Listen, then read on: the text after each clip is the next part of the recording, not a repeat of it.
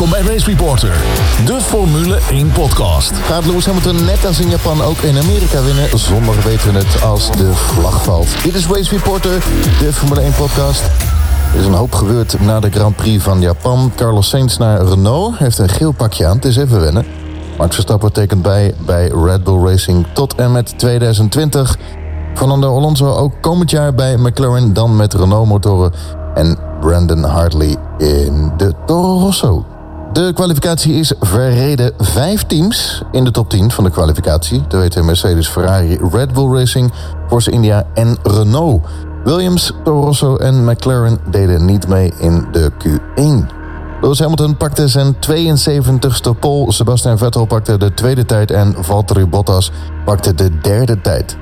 Max Verstappen in mindere tijd, zesde tijd zette hij neer... en hij heeft ook nog eens een gridstraf wegens motoronderdelenwissel... waardoor hij 15 plaatsen daar nog eens bovenop krijgt. Dus een startplaats vanaf de 18e plek. Race Reporter, de Formule 1 podcast. RaceReporter.nl Vorig jaar won Lewis Hamilton hier. Max Verstappen viel vorig jaar uit met motorproblemen. Geen aandrijving had hij.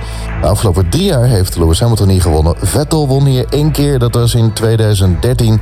En in totaal won Lewis Hamilton vijf keer de Grand Prix van Amerika. Namelijk ook die verreden werd op het circuit van Indianapolis. Dit weekend de Grand Prix van Amerika in Austin, Texas. Het is in de avond en het wordt een spannende race. Nog vier races te gaan. Lewis Hamilton staat bovenaan in de kampioenschap met 306 punten. 59 punten meer dan Vettel. Dan Valtteri Bottas met 234 punten. Vierde staat Daniel Ricciardo, Kimi Räikkönen vijfde en Max Verstappen staat zesde in het kampioenschap. Dit weekend dus, Grand Prix van Amerika. Dit is Race Reporter, de Formule 1 podcast. Meer informatie vind je op racereporter.nl.